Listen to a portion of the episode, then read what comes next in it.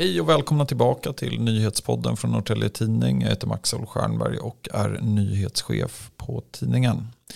Den här veckan har vi rapporterat om en tragisk dödsolycka i Vallentuna. Det är en ung Norrtäljebo som mist livet och vi kommer berätta mer om det på nyhetsplats. Vi har också berättat att VA-avgiften lär höjas ordentligt. Det är i alla fall ett förslag från NVA eh, och ja, mer om det, även det på nyhetsplats. Eh, sen så har vi också berättat om butiken Dogger som stänger. De går över till e-handel och stänger alltså sin fysiska butik.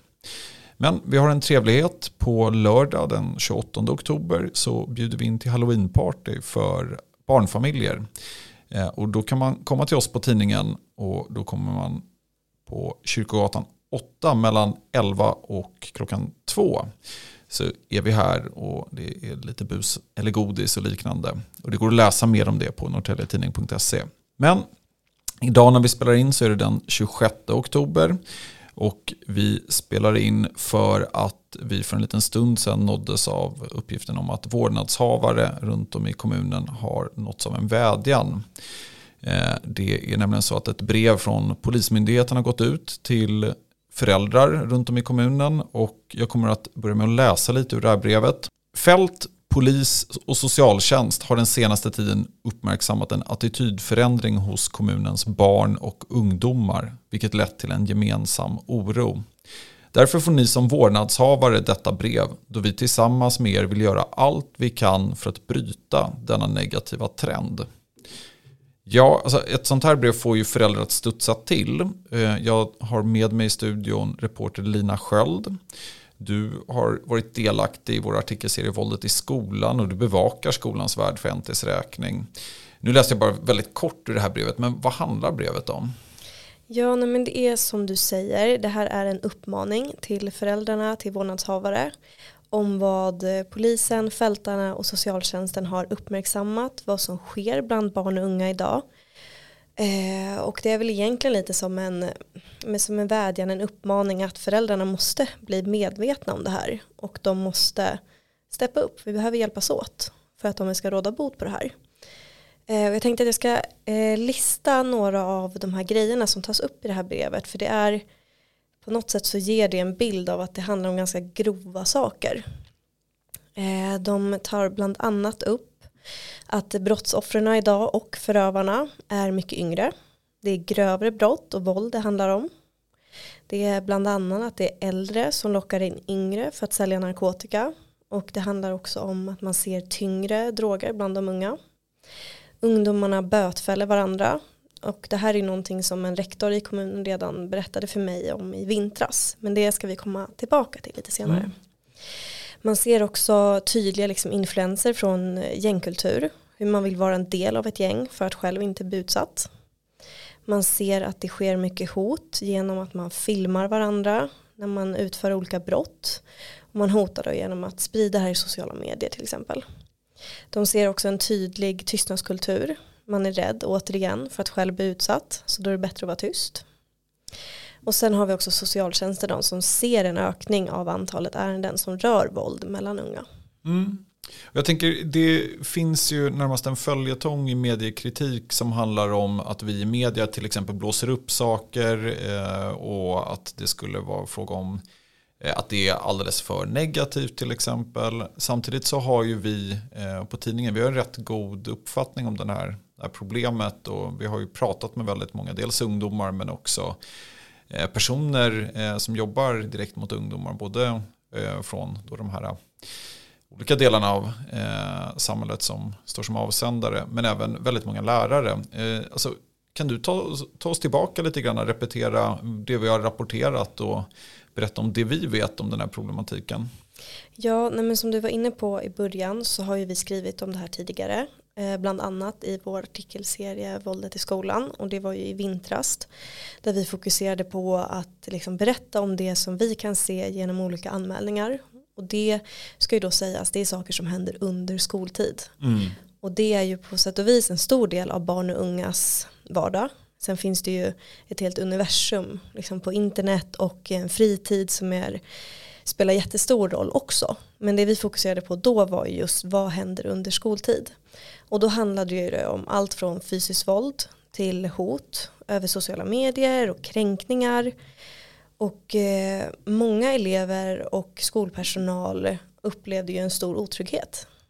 Eh, och det här blir ju på ett sätt, det här brevet som nu har skickats ut, blir ju, om man ska säga som ett kvitto på att det vi rapporterade om då är ju någonting som faktiskt händer på riktigt i samhället. Mm. Och om man ska vara konkret så vi har ju rapporterat om en del händelser. För er som läser väldigt, väldigt noggrant i, i tidningen och har gott minne så är det nog så att man redan nu som lyssnare börjar tänka på en del händelser som vi har pratat eh, eller rapporterat om. Men vi kan väl titta på några av dem eh, för du har fått titta tillbaka lite på året som gått. Ja, Nej, men om vi ska fokusera på två eh, rapporteringar som har skett ganska i närtid så har vi ju dels den här grova misshandeln på Rodegymnasiet.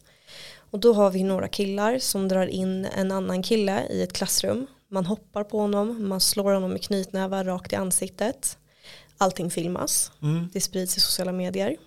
Och det ska också säga att innan man har kommit till den här punkten, att man går in i det här klassrummet och gör det här, så har man då också sagt till den här killen att han ska gå ner på sina knän, han ska be om förlåtelse och det ska också filmas. Mm. Någonting han inte vill göra och allting ska ju liksom grunda sig i någon tidigare konflikt mellan mm. de här eleverna. Eh, sen har vi en annan händelse som handlar om eh, ett gäng yngre barn eh, som utspelar sig vid vattentornet här i Norrtälje. Och då är det en tjej som luras upp till vattentornet och blir brutalt misshandlad av andra barn. Det här filmas också av andra som står runt om, tittar på, ingen gör någonting. Mm. Hon blir sparkad i huvudet bland annat. Eh, så det är, det är grovt våld på många sätt. Och man ser de här tydliga tendenserna att eh, det finns folk som filmar det här och att man sprider det. Just det, för det är precis det som de är inne på i det här brevet också. Jag menar, det är klart att man i till exempel en förälder eller i en klass att man eh, börjar liksom rätt snabbt kan ha en uppfattning om vilka det är som begår våld. Eh, om det är vanligt och, och, det är någon som gör det väldigt ofta. Och så. Men det de trycker på här i brevet är också att det finns en så stor grupp som eh, ja, men är passiva eller filmar och delar, mm. delar av det här och, och så. Och eh, Eh, ja, alltså... Du...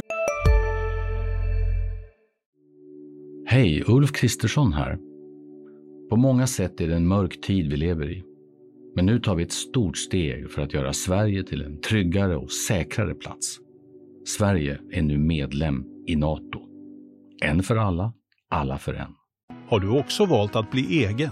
Då är det viktigt att skaffa en bra företagsförsäkring. Hos oss är alla småföretag stora och inga frågor för små. Swedeas företagsförsäkring är anpassad för mindre företag och täcker även sånt som din hemförsäkring inte täcker. Gå in på swedea.se företag och jämför själv. Du har pratat med många i, ur den här sfären. Så där, alltså, varför filmar man överhuvudtaget? Det är svårt att säga varför man gör det men en del av det är ju för att man just ska ha det som ett hot mm. och ett bevis. Eh, och skulle jag säga att barnens och de ungas verklighet idag utspelar sig till så stor del i sociala medier. Det är liksom inget, ingen främmande plats för barn och unga idag. Utan det är lika mycket deras vardag som att gå till skolan. Mm. Så att deras universum är till stor del sociala medier. Så för dem är det här inget konstigt. Just det, och de trycker också på den här typen av eh, uthängningsarbetet, arbetet eller om man ska kalla det som en del har valt att mm. använda sig av. Att just eh, det finns konton dit man skickar till exempel mm. förnedringsvideor och så. Vi har ju fått tips och tagit del av en del av dem. Eh, det är inget vi har valt att rapportera om. Det är svårt att Eh, komma framåt i den typen av eh, ämnen. Men det är ju tydligt att det här finns och att det finns eh, lokalt runt om ja, i kommunen. Och just det här att det är så lätt på nätet att vara anonym. Så det här är ju liksom konton, det är inte alltid att man använder sin egna liksom öppna profil och sprider material eller misshandel eller vad det nu kan vara. Mm. Utan det handlar ju om att man skapar ett konto och eh, kör all in anonymt. Mm. Och då är det inte så himla lätt. Längre. Nej.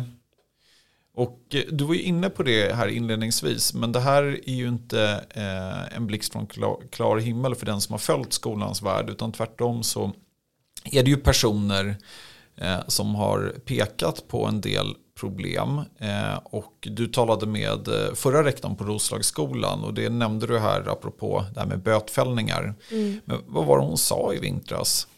Nej, men hon var ju väldigt tydlig med att det här är liksom en väldigt sårbar och nästintill ohållbar situation stundtals i skolan kring just med det här att man ser tendenser av gängkultur som har letat sig in i korridorerna. Och eh, att man liksom har det här med att man bötar varandra, man har skulder till varandra och att det är så enkelt att då bara säga men du ska swisha mig det här och det här. Om du inte gör det så kommer den här konsekvensen att ske. Mm. Och att det är liksom en vardag för många unga. Och det var ju också någonting som eh, polisen, han som en del står bakom en del av det här brevet, Peter Jolin sa till mig när vi pratade nu. Att eh, hela samhället måste liksom våga ifrågasätta det här beteendet. Och att som förälder eller vårdnadshavare så måste man liksom våga vara just det. Man måste se vilka rättigheter man har och man har ett stort ansvar. Man måste titta i sitt barns mobil, man måste titta på swishhistoriken, hur ser det ut, blir mitt barn utsatt, kan jag se någonting som tyder på det, då måste man ta tag i det. Att man måste våga helt enkelt. Mm. Och för den som absolut inte eh, förstår, eller det här med bötfällning, alltså vad, vad handlar det om? Ja, det kan ju handla om väldigt mycket, men till exempel då att man tycker att det är ett bra sätt att lösa konflikter. Att man ska betala för sig om man ja. då enligt ja, kompisen eller skolkamraten mm. har gjort fel. Ja men till exempel jag tycker att du gjorde fel som gjorde så här och så här. Så nu mm. ska du swisha den personen det här och det här. Och gör du inte det inom den här tiden så kommer beloppet vara så här mycket större. Just det. Ja, men det, vi har ju pratat med, eller du har pratat med kommunalrådet Robert Beronius. Han sitter ju för Liberalerna som ordförande i barn och skolnämnden. Jag tänker att vi lyssnar på honom. Vi kallar det för föräldrasvikt.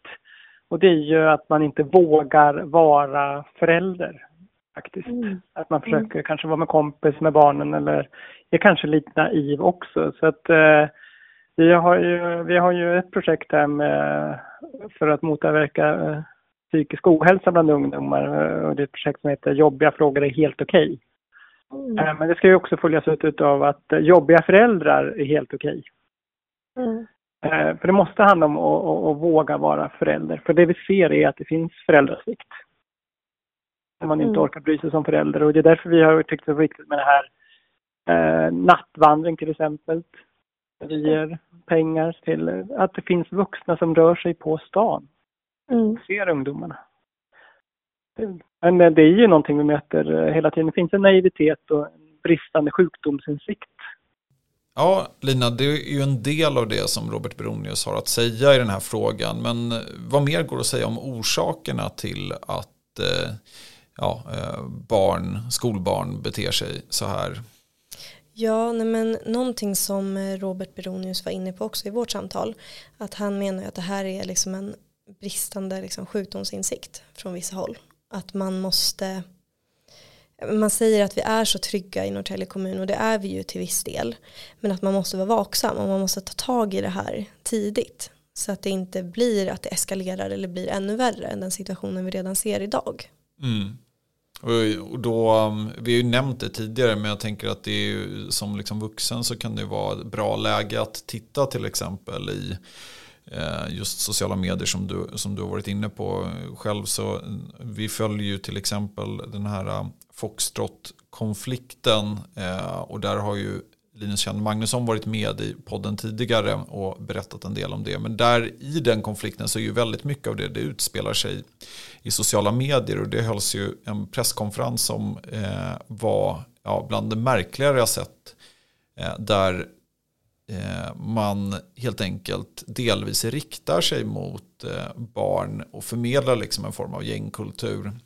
Där går det att läsa mycket mer om, eh, bland annat har Expressen rapporterat, initierat om just om det. Och kopplingen till det här det är helt enkelt att det är väldigt många barn som sitter och följer den här typen av konton. Mm. Så att det som händer väldigt långt bort från eh, Norrtälje kommun. Det går ju att följa i sociala medier utan problem och och eh, det är också så att det riktar sig mot eh, många barn och det kan vara allt ifrån just eh, den typen av gängaktörer som den här märkliga, ja, man ska väl kanske inte kalla det för presskonferens, men det var ju det de riktade sig mot. De taggade in massa journalister innan de eh, körde igång. Eh, sen så eh, finns det ju väldigt många som ja, säljer till exempel droger och liknande via sociala mm. medier och riktar sig just mot eh, barn och ungdomar. Och då spelar det ingen roll i vilket område man bor. Avstånden krymper ju, alltså mer den digitala världen och det är väl det man måste förstå att det, de unga är i den digitala världen, det är deras naturliga plats. Och tillgängligheten är ju alltså ett knapptryck bort. Mm. Och med de orden så tar vi höstlov här på podden. Vi är tillbaka vecka 45. Eh, ni ska naturligtvis trycka på följa-knappen i den app som ni lyssnar på och hör av er med nyhetstips till oss på tidningen. Ni hittar kontaktuppgifter på norrtelletidning.se. Stort tack för att ni lyssnar.